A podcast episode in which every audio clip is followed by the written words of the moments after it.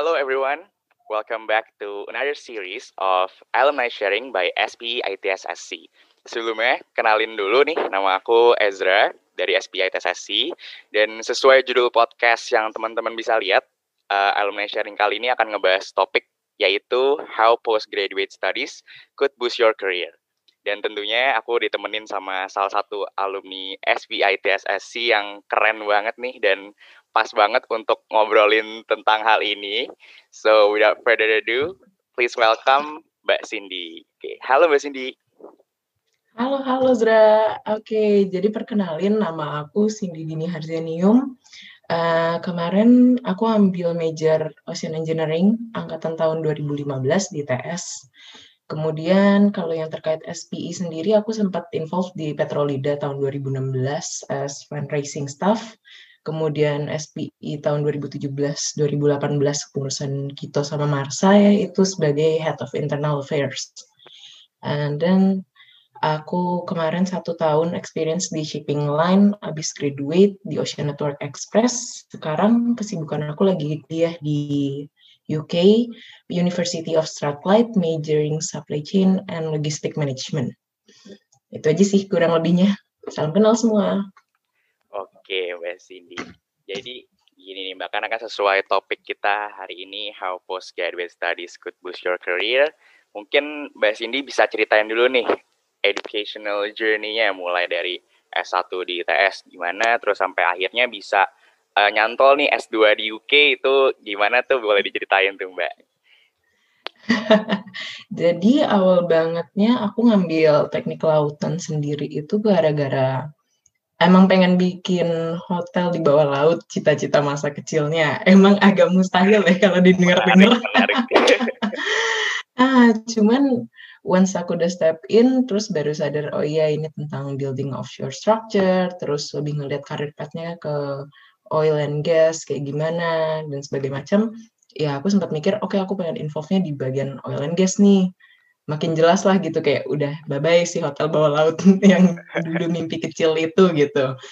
Tapi waktu udah lulus opportunity-nya berkata lain. Aku malah masuk involve-nya di shipping liners.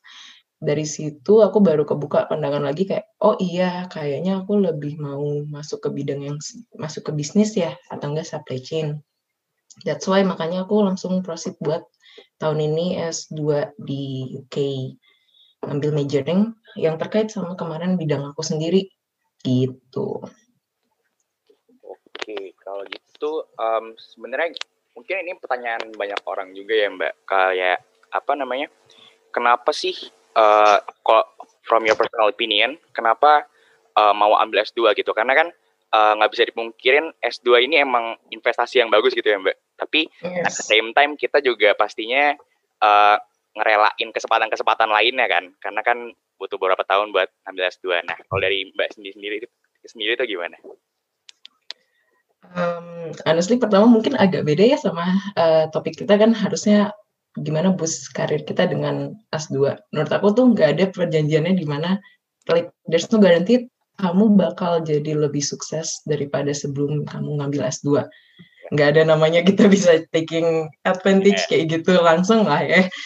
Cuman aku ngelihatnya di sini kayak um, di dalam jenjang karir mungkin kita bakal lebih berprospek setelah kita mengambil degree S2 karena udah lebih ilmunya lebih masuk ke dalam lagi, lebih tahu orang-orang yang baru lagi dan kalau misalnya kita dari luar sendiri itu kayak dapat opportunity bisa project di luar atau kerja sama dosen atau kerja sama sama teman-teman kita yang dulu sedikit bareng seperti itu sih aku mikirnya. Cuman emang wasting time mungkin iya satu atau dua tahun. Oke kalau UK kamu alhamdulillah dapat satu tahun. Kalau kamu di luar dari UK rata-rata dua tahun ya ngambil S2 gitu. Cuman menurut aku nggak such a waste sih karena kita kan full time learner. Nah, aku daripada nanti kita udah kelamaan kerja terus nggak uh, baru sadar kayak oh iya kenapa nggak ngambil S2 dari kemarin-kemarin ya aduh tapi kok udah males tapi udah gini gini gini dan kemudian sekarang untungnya nggak untung sih ya amit-amit semoga covid cepat lewat tapi kalau buat aku covid issue kemarin ini sampai sekarang bikin kita jadi kayak introspeksi diri kayak apa sih yang mau kita jalanin selanjutnya apa sih yang kurang dari kita kayak buat introspeksi diri sama getting back to our plan and track kayak gitu lah Ya sih Mbak, ini COVID nih bisa ngasih waktu kita, eh ngasih space buat kita buat improve diri lagi ya kayak ya belajar belajar banyak apa atau banyak yes. banyak banget kan yang ingin hobi baru segala macem. Nah, nah benar-benar. Tapi untuk pendidikan S2 sendiri nih, Mbak Cindy tuh udah ngeplan dari sebelum-sebelumnya kah? Sejak S1 atau gimana? Boleh ceritain. Ah, Oke, okay, baik. Um, ini plan ya sebenarnya emang udah ada dari lulus S1 kayak mungkin banyak banget orang yang mikir kayak habis satu oke okay, uh, aku harus ambil S2 nih langsung lanjutin bidang aku atau astaga aku udah nggak kuat lagi sama bidang ini aku harus belajar yang baru biar bisa involve di dunia kerja yang terkait bidang baru itu ada yang mikir gitu cuman kalau aku awalnya masih idealis kalau kata orang terus aku langsung mikir oke okay, S1 lanjut S2 di bidang yang sama awalnya.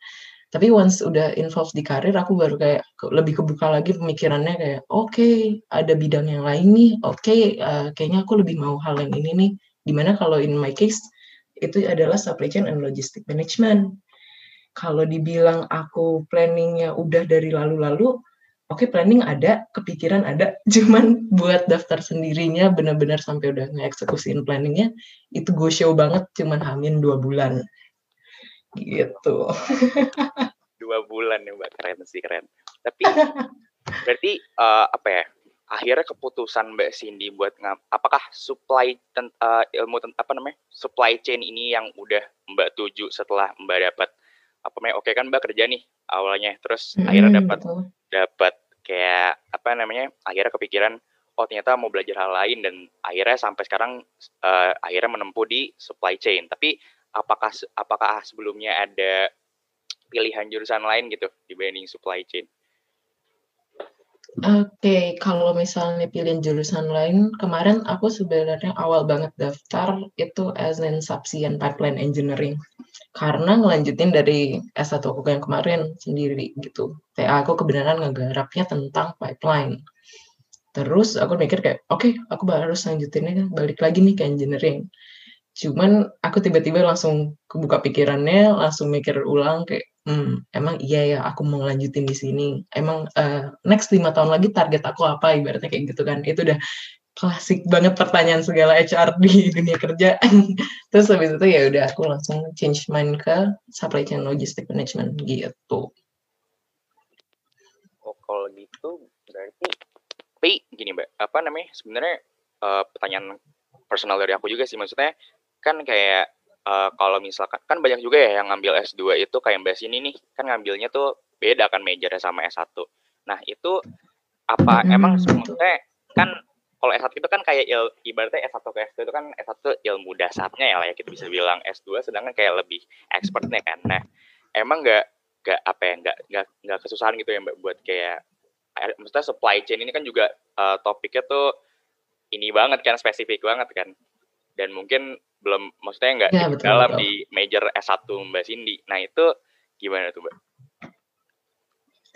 Kalau mau dibilang ini pertanyaannya agak jebakan Batman ya. Kalau menurut aku, kalau dibilang kelabakan pasti jelas. Udah kemarin satu semester ngerasain kelabakan banget karena emang kita harus um, dituntut satu tahun lulus itu pertama udah salah satu hal yang paling challenging. Kemudian aku harus beralih jauh dari ibaratnya teknik kelautan kemudian ke something yang more like teknik industri, yeah. which is supply chain itu kalau nggak salah kalau nggak masuk ke bisnis, masuknya ke teknik industri gitu kan.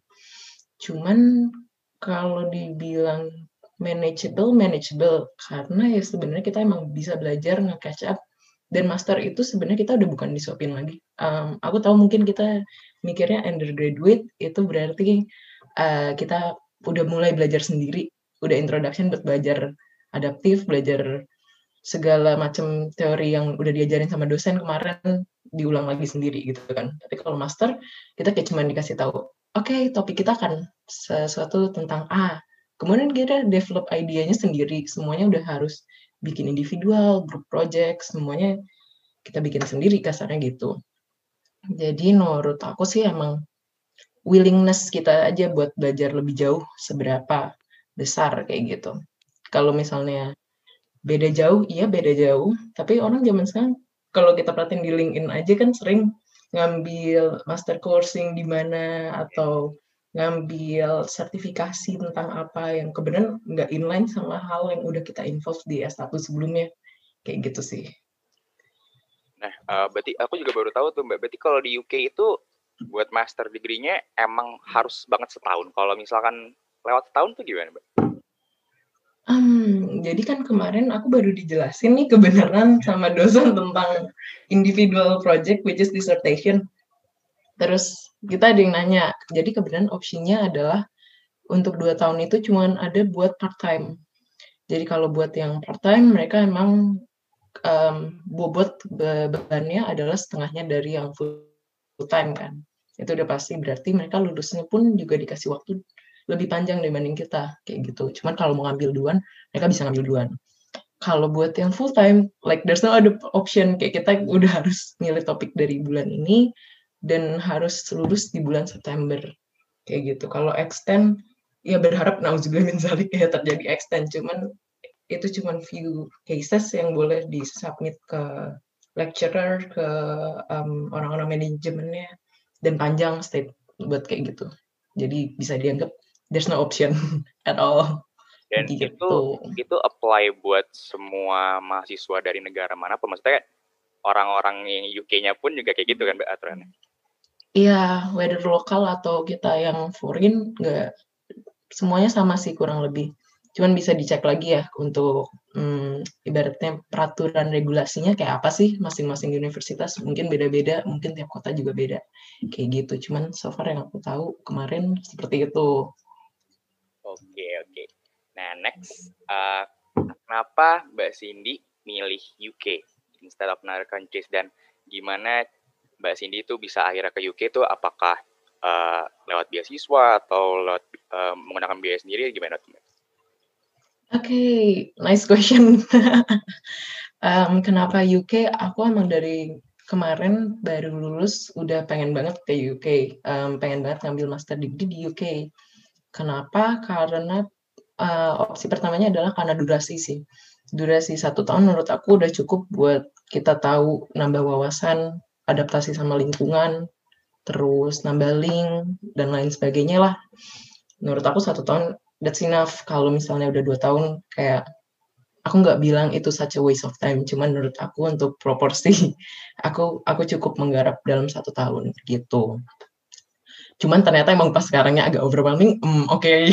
itu other question lah ya. Tapi still manageable dalam satu tahun menurut aku gitu.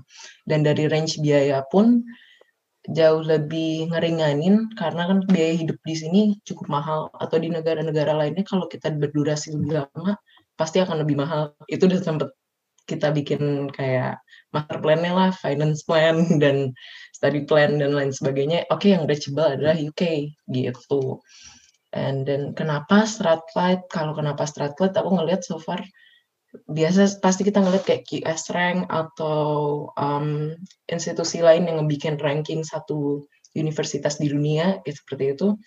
Terus aku lihat buat major aku sendiri ini cukup credibility-nya bagus lah ibaratnya gitu.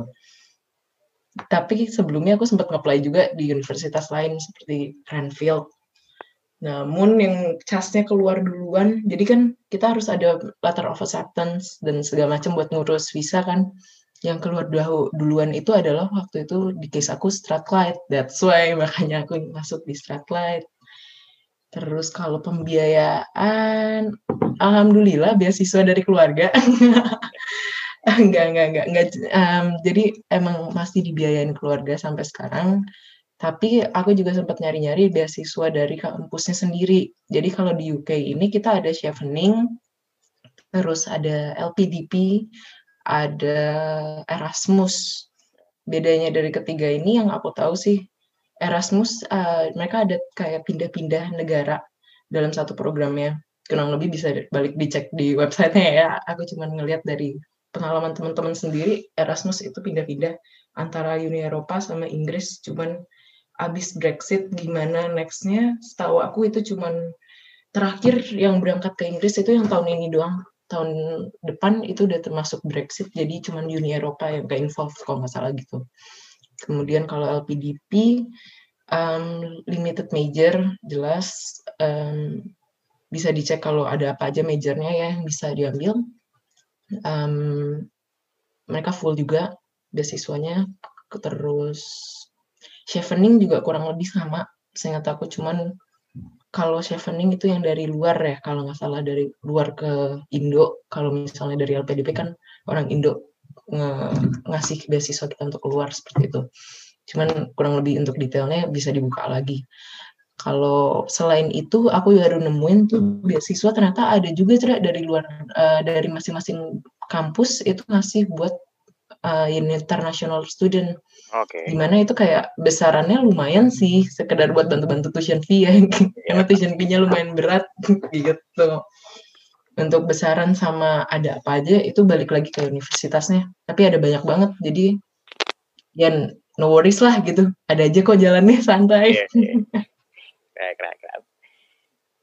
Oke, nah kita kan um, Mbak Cindy tadi sempat nge-mention sebelumnya kalau Mbak Cindy tuh sempat kerja dulu kan setahun sampai sebelum mm -hmm. akhirnya ngambil S2. Nah, um, itu apakah maksudnya kan Mbak Cindy jalan kayak gitu ya. Nah, uh, kenapa nggak dari S1 langsung S2 gitu? Aku tanya. Oh banyak juga kan yang orang-orang yang kayak gitu yang kayak Mbak Cindy cuma aku kadang mempertanyakan aja kayak kenapa nggak langsung dari langsung S1 eh langsung S2 aja gitu dari S1 itu kenapa tuh um, gimana ya? Uh, kalau aku pribadi sih sebenarnya um, saran dari aku yang penting kita tahu satu tujuan kita apa sih ngambil S2 yang kedua kayak major apa sih yang kita mau? Kalau aku adalah contoh yang aku nggak bisa bilang aku good apple. Menurut aku aku bad apple ya kayak jangan di benchmarking semuanya ke aku. Menurut aku ini aku masih waduh waktu baru lulus ragu kayak yang mana sih yang benar-benar aku pengenin um, nextnya ke depannya mau jadi kayak apa dan cara aku nemuin jalan itu emang adalah involve dulu di real business tahu plus minusnya tahu lebih kebuka pandangannya, kayak obstacle-nya apa, bottleneck-nya apa, seperti itu kan. Kalau misalnya kita dari baru lulus S1 sendiri udah yakin nih, udah tahu, udah clear path banget, no worries ya, ambil aja. Menurut aku sih nggak ada masalah. Cuman yang penting bisa jawab dua pertanyaan itu aja. Pretty much basic kan. Cuman mau caranya ntar beasiswa ke atau mau apa itu udah balik lagi ke kalian yang mau kayak apa menurut aku. Gitu. Oke, berarti minusnya mungkin minus mungkin kalau aku bisa bisa summarize mungkin minusnya kalau dari S1 langsung ke S2 kita nggak tahu kondisi maksudnya di dunia kayak apa ya, ya kayak gitunya kita masih yeah, ada bayangan tapi langsung ambil S2 kayak tapi lumayan berarti lumayan berisiko juga mas sebenarnya kalau misalkan plan kita juga nggak segitu mateng kan Bener banget. Nanti kamu pasti ngedubbing uh, yourself lagi kan kayak, aduh bener gak sih ngambil ini atau aduh harusnya aku ngambil yang ini kayak gitu kan. Dibanding nyesel di jalan karena S2 kan big deal menurut aku ya. Kayak itu udah sesuatu hal yang kayak uh, lebih dalam lagi, lebih luas lagi jangkauannya. Jadi aku kalau misalnya kita nggak pakai opportunity itu buat something yang kita benar-benar pengen, sayang banget sih. Kenalin diri dulu sendirilah ibaratnya gitu. Oke, oke. Oke, sekarang ke main question nih Mbak Cindy sesuai topik kita pada podcast kali ini. Jadi, how exactly postgraduate studies itu bisa ngebus karir kita kalau dari point of view-nya Mbak Cindy? Oke, okay. kalau dari pandangan aku ya, hmm, aku sempat ngobrol sama temen aku yang HR kemarin. Terus kalau dibilang kita kalau misalnya masuk S2, apa iya sih gaji lebih besar atau apa iya sih karirnya lebih bakal masuk dari sudut pandang seorang HR gitu.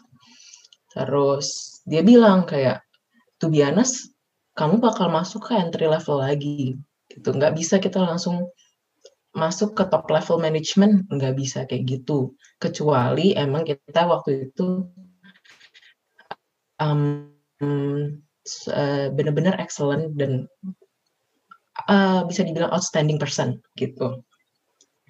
Cuma buat rata-rata perspektifnya um, once kita graduate dari S1 sama S2 kita bakal di level yang sama selama nggak punya experience gitu. Makanya tadi kalau kamu sempat nanya kan uh, kalau misalnya langsung ambil S1 terus S2 gimana?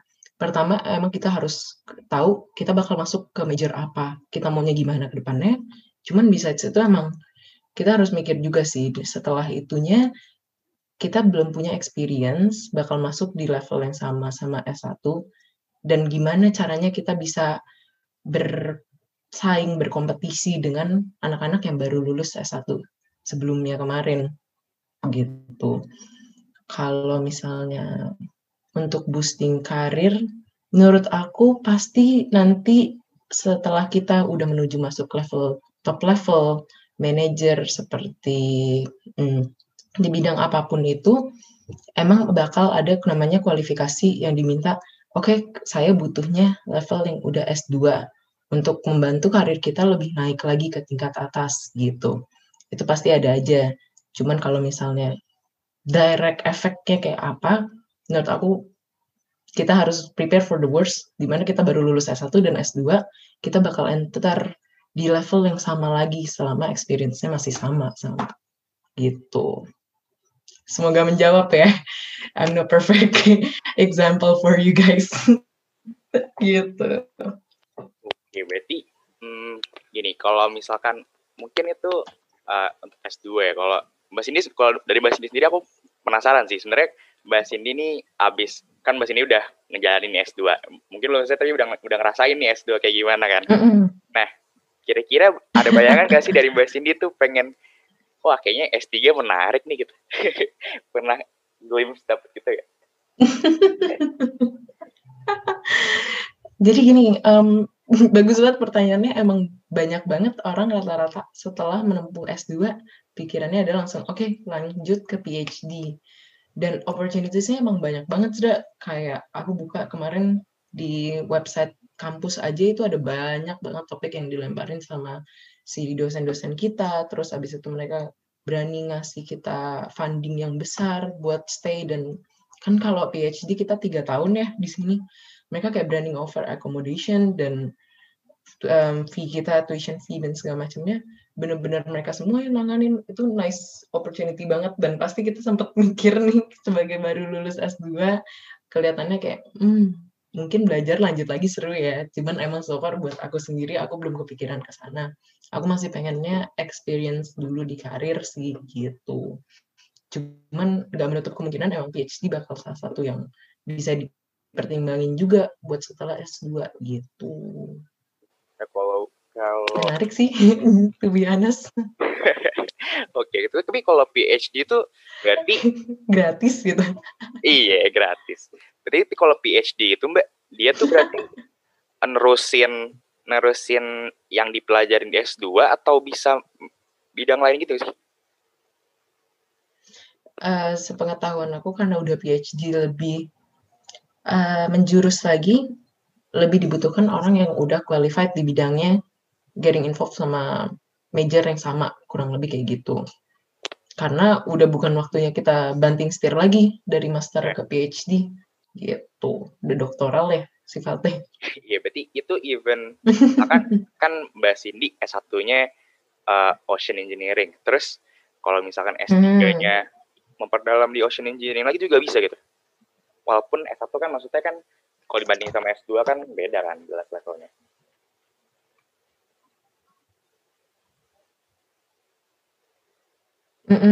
Betul betul uh, to be honest kan aku belum kepikiran ke sana, aku belum berani komen banyak nih, takut salah ngasih info, cuman sepengetahuan aku, uh, mereka rata-rata yang ngambil eh, PhD itu inline sama major yang diambil di S2-nya. Kalau misalnya case-nya aku nih yang agak belang-belang, menurut aku the better career itu adalah ngambil sesuai sama yang S2 aku, bukan sesuai sama S1 lagi, gitu.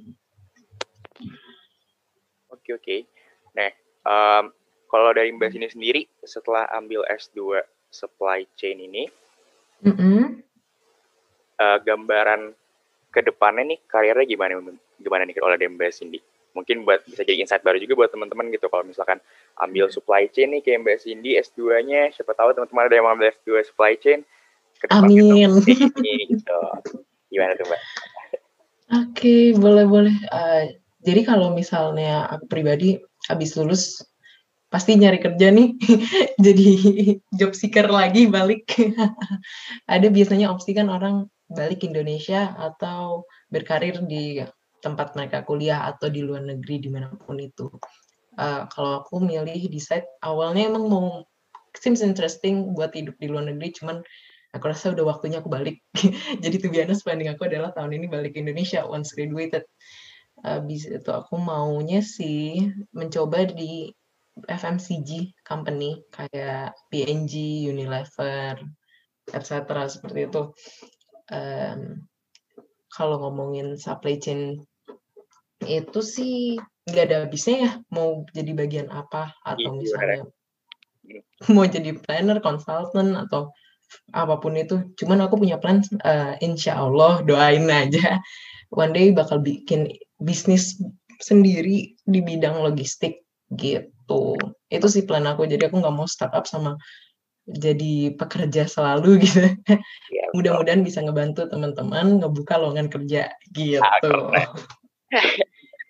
Idealismenya sih begitu ya, Zra. Amin. Semoga tercapai. Oke. Okay. Um, Amin. Berarti eh tapi ini Mbak, maksudnya kayak um, beberapa orang yang aku kenal juga yang kuliah di um, apa namanya kuliah di luar. Mm -hmm. Contohnya abang aku sendiri, Mbak. Kalau dari dia sendiri tuh uh, mm -hmm. sebenarnya dia tuh kepikir dia bilang ke keluarga bahwa dia akan mm -hmm. prefer untuk lanjutin karir di sana. Dan by dia di Jerman. Nah, maksudnya dari Mbak Cindy, dari Mbak Cindy sendiri tuh emang nggak ada kayak wah ini kayaknya maksudnya mungkin ada ada target-target company di UK mungkin yang basic di kayak wah ini kayak menarik kalau misalkan dilanjutin di UK aja nih gitu. Oke, okay. um, jadi gini kalau misalnya opportunity buat di UK sendiri sebenarnya kemarin aku sempat dari kantor aku kan aku keluarnya adalah resign sebelum masuk ke S2 ini. Cuman waktu itu discuss sama manajemen sempat ditawarin kayak, "Oke, gimana kalau misalnya kamu lanjut" kan aku bilang, "Aku masih interest di kantor ini, uh, nggak ada masalah sebenarnya, cuman emang mau melanjutin pendidikan." Terus ngobrol-ngobrol-ngobrol, dia kasih tahu, uh, "Kalau misalnya kamu involved di kantor head kita yang di London gimana?" Terus aku bilang, "Oh, iya nice." Aku bilang, "Iya, why not?" Gitu kan. Cuman setelah lebih ke sini kita discuss kembali lagi orang tua di mana beasiswa aku datangnya dari orang tua ya, keluarga dengan segala macam pertimbangan um, I decided to go home. Kayak oke okay, cukup dari study aja and then balik laginya di Indonesia berkarir gitu. Cuman nice question sih emang tempting banget kan gimana yeah, dong? Gaji lebih besar hidup nyaman. Ya plus minusnya emang banyak banget cuman aku contoh yang mau pulang kok tenang aja. Mengabdi untuk negeri ya mbak. Ya uh, boleh boleh boleh. Let's say gitu ya. Oke terus di UK sendiri gimana mbak? Maksudnya um, apakah maksudnya pendidik maksudnya pendidikan di S, pendidikan S2 di UK sendiri tuh gambarannya gimana kalau menurut Mbak Cindy? Impression dari Mbak Cindy? Gimana tuh? Hmm. Kalau menurut aku, pertama dosen-dosennya tuh suportif banget, terus welcome banget. Jadi kita sekarang emang posisinya online, udah dari aku masuk intake kemarin September, sampai dengan bulan ini kita masih full online semua. Nggak enak, jelas nggak enak. Plus aku pribadi nggak pernah nyobain online sebelumnya, jadi kayak agak shock ya. Kayak, waduh, kok semua mata kuliah, semua pelajaran kita kerjain di online gitu, group discussion. Nggak pernah tuh tatap muka lagi ngerjain kelompok kayak zaman dahulu kala. Aduh, udah jauh gitu. Terus, tapi dosennya tuh kayak yang bener-bener catch up sama kita. Kalau kita nanya, mereka jawab. Emang masalahnya kan kalau misalnya Zoom meeting, kadang kita males ngidupin mikrofon, kadang kita males ngidupin video. Itu kan standar deh gayanya di zaman sekarang, pandemik. Cuman mereka kayak nggak masalah sama hal itu. Dan mereka malah um, encourage kita kayak, oke, okay, ayo kalau yang penting kalau kalian mau nanya apa pun yang suitable buat kita caranya kayak apa terserah kalian mau kamu nanya di email kamu nelfon saya pribadi kamu sms atau kamu naruh di forum kelas atau kalau emang mau taruh di Zoom meeting yang chatnya aja juga nggak masalah. Jadi menurut aku mereka welcome banget sih, sama suportif pastinya. Terus penganan mereka sama pertanyaan-pertanyaan kita juga cukup cepat sih, Zra. Jadi kita mikir kan kalau oke okay, pandemik nih pasti email mereka numpuk atau banyak banget mereka ngajar kan pasti di kelas terus ada lima orang aja yang nanya di kelas kali berapa mata kuliah udah bubar lah tuh email numpuk gitu. Tapi enggak sih mereka benar-benar kayak dalam satu minggu pembelajaran Senin sampai Jumat mereka pasti online terus dan nge-catch up sama segala pertanyaan kita. Itu udah pertama banget. Terus kedua sistem pembelajarannya mungkin S1 sama S2 emang beda banget ya kalau S2 itu kita udah nggak banyak diajarin, lebih cuman kayak oke okay, introduction secara brief description-nya seperti ini, kemudian lebih kita lagi yang kembangin ke depannya mau apa, topik buat individual report atau misalnya buat grupnya sendiri itu udah bukan mereka yang pilih. Banyak kan most of it adalah kita yang decide kita mau ambil apa, contohnya yang case seperti apa, di mana batasannya kita sendiri gitu menurut aku mungkin bukan berarti pendidikan di Indonesia lebih buruk ya. Belum discuss juga sebenarnya sama yang S2 di Indo ya. sendiri kayak gimana. Cuman kalau gambaran aku sih menarik banget, great opportunity dan seru banget di sini gitu. Oh iya mbak, kalau di S2 tuh, maksudnya kalau di bahas ini deh, uh, itu mm -hmm. banyak, banyak ini nggak sih, banyak orang yang lebih tua jauh gitu nggak sih? Kayak pengetahuan gue aja banyak banget kan yang S2-nya. Maksudnya yang yang umurnya lumayan jauh dari kita-kita gitu. Iya, banyak banget tuh biasa. Um, sering kita kayak, oke, okay, kalau nanya umur kamu berapa kan nggak sopan ya nggak mungkin nanyanya cuman agak jaji ya emang orangnya. Jadi kalau once kamera nyala kayak oh my god umur dia berapa ya? Gitu kan. Pertama questioning curious itu udah bagus kan. Akhirnya bawaannya nanya gitu gosip bawaannya em umur kamu berapa ya? Kayaknya udah experience banget deh mukanya udah gitu. Dan emang lumayan banyak sih rata-rata kebenaran buat jurusan aku kayaknya 20 5 sampai 35 tahun. Range-nya jadi di antara 25 sampai 35 itu macam-macam banget. Satu jurusan aku sendiri yang spesifik supply chain dan logistik. Jadi supply chain ada banyak kebenaran di ini aku yang spesifik logistik itu kira-kira ada 18 sampai 20 orang dan range umurnya segitu. kebenaran aku nggak di kolom itu gitu aku masih di kolom yang under 25 yeah. jadi iya. ngeliatnya kayak wow gitu. Ya pasti kan orangnya kan apalagi tambah kan orangnya pasti beragam banget kan, Beh. Gak mungkin gak mungkin lokal doang kan. Nah, Obviously. Gimana tuh Mbak adapt ya sama udah udah bermacam-macam orangnya terus dengan range umur yang jauh gitu kan. Oke, okay. jadi kalau misalnya selain mereka range umurnya nih yang variatif, kebetulan aku di jurusan aku bahkan di departemen aku biasa dibilang cuman aku sendiri yang Indonesia Raya. Oh. Jadi agak lone ya. Lonely malahan lebih tepatnya. Cuman karena kita pandemik emang semua orang ngerasain itu sih. Jadi sebenarnya nggak ngefek juga either kita se-nationality sama teman kelas kita atau enggak. Karena Indian of story ya kita harus ngerjain yang penting kalau project sih aku mikirnya kayak kita harus selesaiin proyeknya mau gimana caranya kayak mau diskusi kayak apa kayak medianya gimana terserah yang penting tujuannya nyampe gitu. Cuman kemudian emang karena S2 orang-orangnya juga cenderung lebih dewasa atau minimal kalau belum umurnya cukup mencukupi minimal mereka emang udah dewasa enough lah buat nanggepin masalah-masalah seperti itu. Cuman pasti ada kan yang namanya bambet-bambet gitu. Chat nggak dibales email nggak dilihat tiba-tiba nilai udah pengennya keluar. Tapi tenang aja di sini namanya ada peer assessment kamu bisa komplain gimana rupa jadi um, kasarnya kita bisa ngekomplain kalau ada temen kerja kita yang nggak mau kerja oh, atau nggak okay. mau involve sama tugas nih biar kena ganjaran batunya gitu kita bisa submit peer assessment itu cuman the whole group harus agree buat nge-submit hal itu gitu. Oke, menarik, menarik. Um, Mbak ini kelasnya tuh dari Senin sampai Jumat, Mbak? Atau atau bahkan Sabtu Minggu mungkin? Gitu gimana? Oke, jadi kalau kelas aku kebetulan semester ini hektik banget, di Senin sampai Jumat full semua ada. Cuman kalau Sabtu Minggu biasanya itu lebih buat ke group discussion. Jadi karena semua masing-masing mata kuliah aku ada individual sama grup, selalu yang grup project bakal diskusin di hari Sabtu Minggu. Karena kalau hari biasa kita udah padat banget. Belum lagi disertasi. Aduh udah makin-makin. Gitu. Itu satu hari? Berapa kelas? Atau berapa jam gitu kira-kira? Hmm, satu hari itu rata-rata normalnya dua jam sampai empat jam. Jadi satu mata kuliah ada dua jam. Mereka uh, kemudian aku ada tujuh mata kuliah. Jadi kayak ada yang satu hari kena satu mata kuliah ada yang dapat dua kuliah gitu. Berarti masih mirip-mirip juga ya sama kita.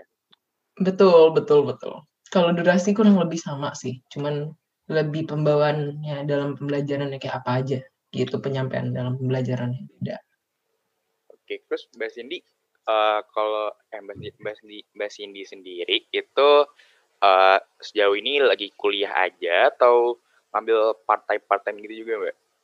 Kan banyak tuh nah, mahasiswa di luar. Iya, itu menarik banget sebenarnya kalau to aku awal banget pengen ngurus. Jadi kalau di sini kalau kita mau kerja part time emang dibolehin dari pembuatan visa tier 4 itu kita dikasih 20 jam per minggu kalau nggak salah kerja part time.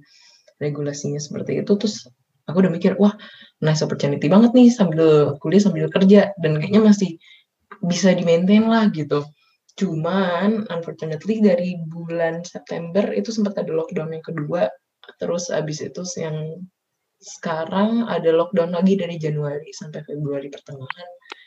Kalau aku pribadi ngelihatnya di sini jadinya waduh lebih susah ya. Yeah. Pertama kita nggak punya kendaraan pribadi di sini. Kedua uh, tempat-tempat restoran dan banyak uh, penjualan kayak Primark atau H&M seperti itu itu tutup semua uh, jadi agak opportunity-nya makin menyempit dari situ aku mulai mikir dua kali terus ya udahlah lebih baik fokus aja semester ini buat sekalian disertasi gitu. Oke malah lagi susah juga sih mbak susah sih sebenarnya tapi kalau ada mungkin bakal ada aja cuman karena pandemik juga kita lagi lebih mikir dua kali lagi katanya yang 2.0 dari UK gitu kan. Iya. kalau nggak kalau sampai kena aduh ampun. Bahaya serem jauh lagi dari keluarga iya gitu tapi mbak mbak Cindy sendiri berarti kalau maksudnya kalau di di tempat yang mbak Cindy maksudnya yang orang Indonesia hmm. gimana tuh maksudnya kenalan kenalan orang Indonesia nya ada kah atau benar-benar sendiri tuh mbak Oh iya, aku belum nyampe nih. Uh, jadi kalau misalnya kita di luar sini selalu ada yang namanya kan PPI. Iya. Yeah. Ya, kalau di sini ada PPI, kita under PPI UK, tapi di kotanya sendiri ada PPI GG atau Greater Glasgow. Di situ kita digather sih semuanya kayak ada yang rata-rata anak-anak Indonesia masuknya kalau nggak ke University of Glasgow, kalau nggak University of Strathclyde. Dominansinya dua universitas tersebut sih di kota ini terus somehow kita udah getar aja udah bawel kan kayak eh akomodasi di mana eh udah nyampe di sini belum eh lagi mau jalan gak hal yang sesimpel itulah pasti didiskus di grup gitu. Terus kebenaran di akomodasi aku sendiri ada satu temen aku bahkan dari S1 oh. bareng terus. Sisanya ada juga di lantai lainnya kesebar sekitar enam apa lima orang dari Indonesia gitu. Itu mereka juga itu tuh mbak apa namanya uh, ketahan di UK nggak bisa pulang malahan yang kepisah lantai sama aku ada lima orang. Itu kalau nggak salah mereka dari polisi kepolisian gitu. Mereka PDP jalur. Aduh aku lupa afirmasi deh kalau nggak salah istilahnya. oh, yeah. mereka baru berangkat Januari ini intake. Terus aku bilang kok mereka mau ya? Gitu. Iya. terus emang pengen gitu. Emang udah penasaran panjang ya. Iya, iya. sayang gitu ya kalau nggak iya udah capek-capek mungkin ya. Panjang um, dari wawancara tes dan sebagainya nggak worth it lah ya kalau dibuang buat setahun lagi iya benar gitu. itu mbak eh, btw buat yang beasiswa beasiswanya itu mm-hmm. kan mbak Cindy biasa ngasih tahu kayak apa prosesnya tuh gimana dari tiga ya tiga siswa ah, okay. Mbak Cindy mention Oke, kalau misalnya beasiswa yang aku jalanin kemarin itu, kan dari kampus ya. Pertama kamu tinggal cek aja sih kalau misalnya kamu udah kepikiran kampus apa, kamu cek, terus nanti ada bagian filternya kita bisa ngeliat apakah itu cuma buat major-major tertentu, apa buat eh, citizen mana aja, nationality mana aja, kayak gitu. Apa whole international students boleh, atau segala macam lah requirements conditionsnya semuanya udah dijelasin sih rata-rata di website mereka cuman kalau masih nggak jelas bisa di email juga. Kalau buat aku pribadi yang kemarin aku ikutin itu uh, sistemnya cuma tinggal daftar di website uh, pertama kita daftar kuliahnya daftar di website buat beasiswanya apply and then yang dibutuhin selain berkas-berkas pendaftaran kuliahnya sendiri kita butuh nambahin uh, statement letter letter gitu. Kayak dia nanya kemudian kalau buat aku waktu itu apa sih yang kamu mau dari S2 kayak pandangan kamu ke depannya mau seperti apa? Mau jadi apa? Kayak gitu. Terus ya udah. Terus kenapa kamu merasa kamu worth it dapat beasiswa ini? Ya itu udah udah klasik pertanyaan lah ya. Cuman itu sih dimasukin aja di submit PDF terus apply alhamdulillah seminggu kemudian mereka langsung ngasih feedback sih jadi nggak digantungin lama-lama gitu. Tapi um, sebenarnya tuh kalau daftar S2 gitu tuh Mbak kayak track record kegiatan Mbak Cindy selama dia satu gitu-gitu tuh dilihat nggak sih? Kayak gitu-gitu? Seharusnya sih dilihat ya Zra, soalnya kita ada nyantumin CV juga, cuman masing-masing universitas emang kebenaran beda. Uh, aku kemarin yang pas Cranfield selain diminta CV, diminta misi berkas mereka, mereka tuh ada minta juga cover letter lagi sama minta aduh aku lupa deh. Referensinya lebih dari dua apa lebih dari tiga deh. Pokoknya mereka persyaratannya jauh lebih banyak dan lebih spesifik seperti itu. Jadi masing-masing universitas tuh standing buat hal yang berbeda-beda. Misal IELTS score aja nih ada yang di mana ngasihnya enam setengah overall ada yang bilang minimum enam setengah. Minimum enam setengah berarti kayak writing listening speaking dan semuanya itu harus masing-masing di poin 6.6.5 gitu. Jadi requirementnya beda-beda sih bisa aku bilang. Cuman kalau dilihat, yes aku rasa dilihat karena CV salah satu hal yang kita submit ke mereka gitu.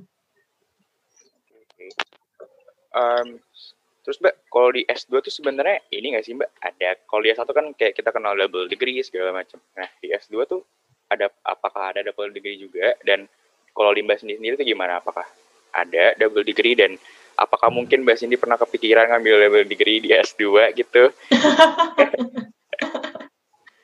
Oke, okay. um, panjang aku ngeliat sih belum ada ya double degree. Cuman mungkin aku yang masih belum menemukan info tersebut. Cuman setahu aku di universitas aku nggak ada double degree gitu dan sekarang kita lulus aja satu tahun programnya lumayan tight kayaknya nggak kepikiran sih buat double degree lagi karena semester satu buat belajar semester duanya udah buat disertasi gitu.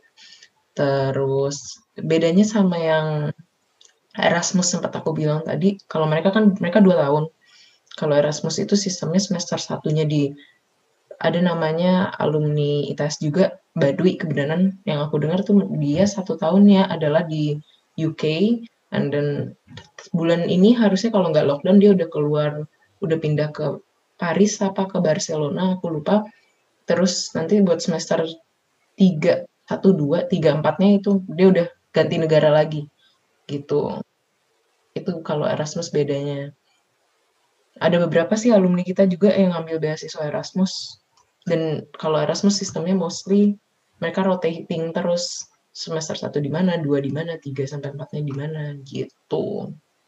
Jadi kalau yang dimaksud double degree, aku bisa bilang so far sepengetahuan aku nggak ada, cuman kalau rotating country yeah. Ya. adanya seperti itu gitu. Berarti tapi kalau kayak kalau Erasmus gitu berarti nanti ya ya dapat degree-nya dari dua univ itu kan ya, maksudnya univ. Mm -mm Mm-mm, betul. Nah, terus join uh, uni kayaknya harusnya ada juga sih. Kenapa, Mbak? Harusnya seperti join university kayak misalnya ada sister schoolnya siapa gitu, harusnya ada aja sih. cuman bisa infonya dicek masing-masing website lagi. Boleh banget. Gitu. Oke terus um, mungkin ini sih mbak. Kayak mungkin buat uh, apa ya kayak summarize lagi gitu. Kalau dari mm -hmm. sendiri mungkin uh, kenapa sih S2 itu oke okay banget buat dikejar gitu. Dan dan mungkin buat mungkin buat teman-teman yang belum kepikiran buat S2 mungkin setelah dengar Mbak Cindy nih. Orange S2 ya kan? Akhirnya kayak oh nyata tuh S2 penting ini gitu. Ternyata S2 tuh oke okay banget buat dikejar. Nah kalau dari Mbak Cindy sendiri gimana tuh? Hmm pertama ayo banget nyobain S2 seru loh. Apalagi kalau di luar negeri kan kapan lagi gitu ngelihat empat musim misalnya gitu. Enggak enggak enggak. Jangan lagi plastik banget.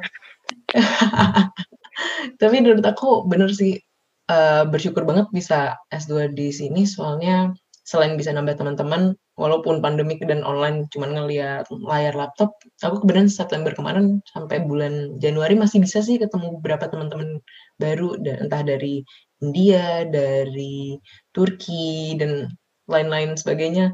Terus kalau di sini ada anggap aja kayak di kos-kosan ya. Cuman di sini istilahnya flat. kita kayak sharing. Jadi kalau masuk bareng-bareng terus kita ngargain acara-acara keagamaan semua acara keagamaan lah kita celebrate gitu mulai dari Natal terus uh, ada Diwali kalau buat India dan lain sebagainya itu kita selalu celebrate bareng-bareng kayak lebih connect aja gitu sama orang lain. Menurut aku itu interesting banget sih. Bisa buat pengetahuan, selain itu ya buat nambah link, sama lebih welcome sama other people aja gitu, lebih open minded lagi gitu. Terus kalau buat dari karir, again aku nggak bisa bilang kalau misalnya ini ngejanjiin buat karir. Cuman pasti nanti ada jalannya kok buat lebih sukses lagi ke depannya gitu. Cuman balik lagi ke kitanya sendiri kayak gimana gitu. Terus apa lagi ya? Hmm, so far itu sih yang mau kasih gambaran sama society Indonesia sendiri di luar negeri lumayan rekat. Kalau di sini ada PPI, ada juga TIS. TIS itu kayak organisasi orang-orang yang either kerja atau udah berkeluarga di sini dan connection di antara kita itu benar-benar rekat gitu.